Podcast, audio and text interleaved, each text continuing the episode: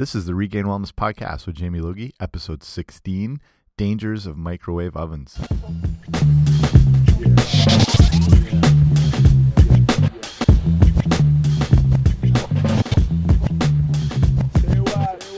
Hey guys, welcome back to the podcast. This is Jamie Logie. This is episode 16, and I just want to thank you for listening. I mentioned before, there's a ton of podcasts out there, and if you're listening to this one, I really appreciate it.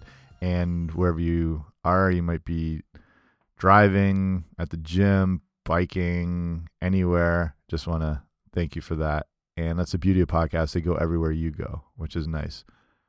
So, Oscar nominations came out yesterday. I wasn't nominated again, but I'll let that go. And I run regainedwellness.com. If you haven't already been over there, please head on over and check it out.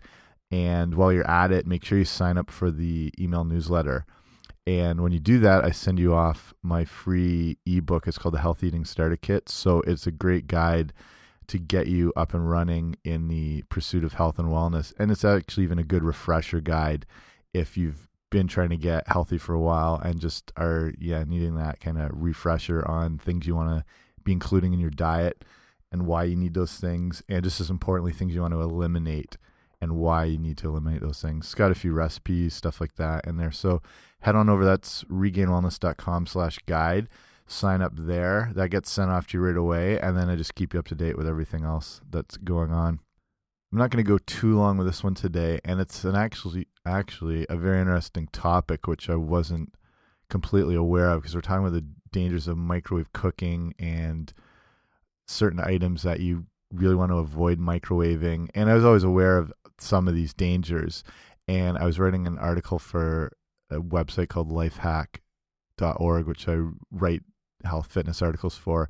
So I did some more research into this. So a lot of the information here is based on that article I did. And doing more of the research into the dangers of microwave ovens is quite horrifying with some of the stuff I'm going to share here today. So I'll go right into it because along with a fridge, a stove, a TV, I'm pretty willing to bet you have a microwave in your home. And as of right now, 90 for 95% of people in North America own a microwave oven, not surprisingly. And the invention of microwaves was like a lot of things uh, came about as a pure fluke, kind of like post-it notes or the slinky or Kim Kardashian's career, just complete flukes. And the microwave falls under this category as well. And there's a man named Percy L. Spencer who was an electronics genius, and he served during World War II. And on a tour, one of his laboratories at one of these different laboratories that he was in charge of or whatever, he stopped for a moment in front of what they call a magnetron. Not Megatron from Transformers, but magnetron. It's basically a large tube that drives radars. And the tube's ability to heat stuff is that prevalent that when he walked by it, he had a chocolate bar in his pocket that melted. So obviously it caught them kind of by surprise. So to see if it was genuine heat, they tested a bag of popcorn kernels that ended up popping all over the room because of the heat that came off this large tube, sorry, tube that was driving the radars. So this might have, you know, with other people might have been just regarded as an amusing whatever experiment, you know, like dropping Mentos into bottles of Diet Coke if you've never seen that, look that up on YouTube. Maybe I'll put one of those up on the show notes here. So this Percy guy though had over 150 patents to his name and obviously was always on the lookout for something with some form of potential to make money or be created as an invention. And then he obviously saw this as a great opportunity.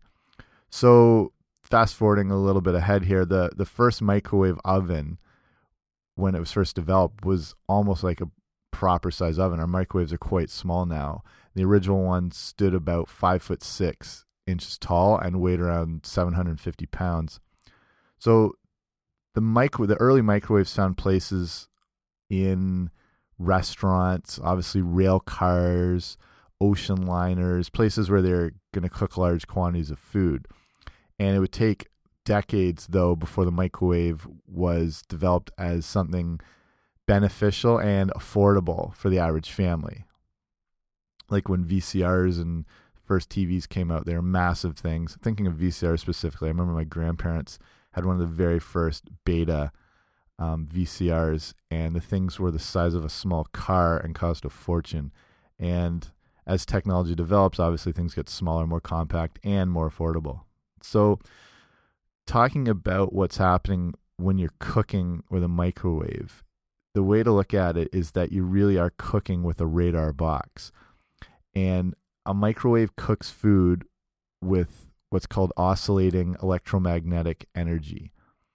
And they're very similar to radio waves, but they move back and forth at a much greater speed. So when a normal oven is heating food, it, the idea is it slowly penetrates through food. A microwave oven heat immediately reaches the molecules around and about an inch below the surface of the food. So as opposed to where, yeah, with the oven, you're slowly cooking through it. In an instant, the microwave energy is hitting into that surface of the food, but only going around an inch deep. And microwaves produce non ionizing radiation. And the problem with that is there's studies that show that this can affect changes in your blood actually and even your heart rate over a period of time. And a certain amount of microwave food had also been linked to intestinal and stomach cancers. And I'll put I'll put some of these links for these studies on the show notes here, which will be regainedwellness.com slash 016. So looking at how these microwaves can potentially affect, like we're saying, things like your blood, your heart rate. What are some problems with some common foods that are cooked in the microwave and what can happen to them? So I got a list of five things that are usually the go-to choices for microwaves and the damage that can happen to them. So just showing some good examples of the potential for um, really negative things with cooking with microwaves. They microwaves today have to go through a much more extensive, you know, testing procedure, safety procedure. So manufacturers are obviously going to say the health risks are greatly reduced. Um, convenience is always paramount, and people understandably are always going to try to save time whenever possible. But if there's anything you're going to take away, here are some things you do want to avoid cooking in the microwave and some reasons why. The first one is actually breast milk, and a key benefit of providing newborns breast milk is being able to introduce the baby to powerful bacteria fighting agents that are contained with, within the milk. And the journal Pediatrics ran tests on 22 samples of frozen breast milk heated in a microwave, either on low or high heat, and found that breast milk heated on high heat showed greater E. coli growth. And this was 18 times higher than the milk heated without a microwave. The samples microwaved at lower temperatures dramatically decreased lysozyme activity as well as promoted the growth of harmful bacteria for babies. So, bad news all around if you're uh, looking at microwaves for heating up something like that. The other second thing that's kind of a common microwave um, go to food is broccoli. And you know, one of the most quick heated vegetables around mixed vegetables, frozen vegetables, broccoli. I think any form of cooking though is going to destroy some nutrients in food. Steaming is going to be the most gentle and it still causes a loss of around 11% of the antioxidant content, which is in broccoli. And that's steaming, very, very gentle. Cooking broccoli in a microwave with a bit of water can lose up to 97% of its beneficial antioxidants. So, not ideal there. And along with that, like with the frozen vegetables and whatever, frozen fruit. And this has always been a big time saver. Buying frozen foods is actually not a bad idea, as the flash freezing process can really help preserve the nutrients of the fruit. Fruit immediately starts losing nutrients the moment it is picked. And this is why, say, frozen fruit or vegetables from the other side of the country could actually have a higher nutrient profile than local organic produce because that local organic produce might have spent more than a week in storage or just transit times on shelves before they're put out. So frozen food, like fruits and vegetables specifically, never a bad idea. So, looking at the frozen fruit here as a third thing uh, you want to avoid anyway with cooking in the microwave, that uh, there were some Russian studies in the late 70s, and it revealed that defrosting frozen fruit in a microwave ended up converting the beneficial glucoside and galactoside compounds into carcinogenic substances. And the Russians also continued studies in the into the early 90s that showed um, immunological effects of microwaves. So immune system compromising effects. Bad news all around, basically. So if with frozen fruit, the best way is to thaw it in the fridge or on a countertop, even defrost it slowly under some cold running water. That's your best bet. Speaking of defrosting, the fourth thing here that you really want to avoid putting in a microwave is meats to defrost. And some microwaves will, you know, rotate, some do not, and the problem with that is can lead to even like really uneven distributions of cooking and thawing. And frozen meat is a tough thing to have to defrost in a microwave as it can take a long time and the problem is that can almost start cooking it. If you've ever done that before, you notice you know, a piece of meat or whatever can still be relatively frozen on the outside. The outside's almost starting to brown, starting to cook while, you know, while the rest is frozen. When the meat gets to the basically around 40 to 140 degrees Fahrenheit level, bacteria begins to grow and multiply. If the meat is not immediately sorry, immediately cooked, you're looking at a pretty contaminated piece of meat. So Japanese researchers found that meats cook longer than six minutes in a microwave also lost half of its vitamin B12 content.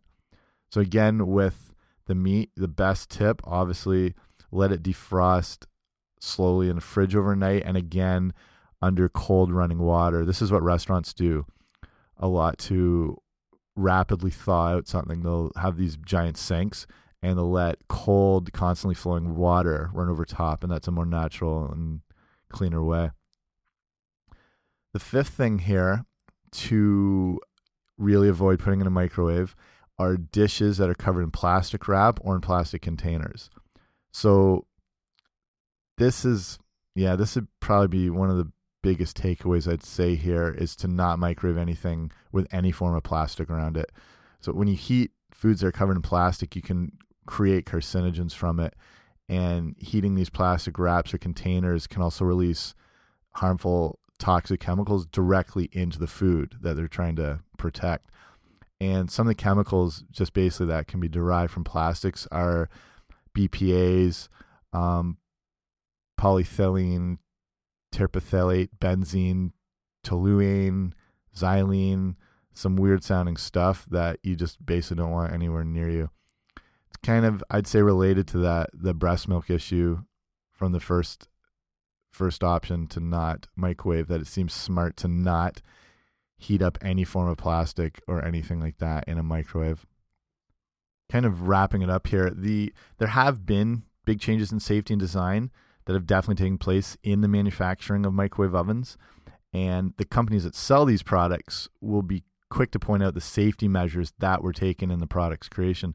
The first thing I think to be aware of is that they did need to create changes to make something safer or design it so that it is a safer product and that they are taking safety measures in the product creation, which means this thing is potentially unsafe right from the get go. And they're trying to make it a little altered so it's not going to cause harm to you. That seems a little concerning to me right off the bat. The other thing is obviously these companies are going to say that they're safe. They really don't have a choice when sales and revenue are the bottom line for everything. I mean, this almost goes back to cigarettes being promoted as relatively safe in the 1950s and so, and commercials with doctors showing them smoking them. The, these companies have re there's really no say in the matter if they're going to continue to exist as a company. So the point is to really try to prepare foods as traditionally as possible and eliminate or at least drastically reduce use of microwave cooking. So that's it from me today. Just wanted to pass on this information and like I said, head over to regainedwellness.com slash 016 and I'll have more of these show notes. Have links to some of the studies and just you know keep doing research for yourself. Use this as like i say use this as a jumping off point and look into it further. I'd say you know if you're going to reduce or you know drastically reduce microwave cooking it can only do good things. It's not like there are beneficial microwaves radar energy that we need in our lives you're not missing anything if you're not using them so, just want to thank you for listening again. If you have a moment and are able to leave a rating review on iTunes, that really helps with spreading the show, getting it bumped up. If you have any questions on anything, if you want to see different topics covered or whatnot, you can email me. It's info at regainedwellness.com. And like I said in the last few episodes, I've finished my book called Taking Back Your Health, which covers all the relevant nutrition topics you can think of, it, like from gluten to why you need water, what the importance of sleep is, everything like that. So it'll be available really soon. So I'll direct you that way when it comes available. And hopefully that's something you'll be able to pick up and enjoy. And in the meantime, like I said, thank you for listening. If you're new to getting healthy, if you're new to getting well, remember it's always going to be a gradual process. And through that whole process, remember it's all about progress, not perfection. See you next time.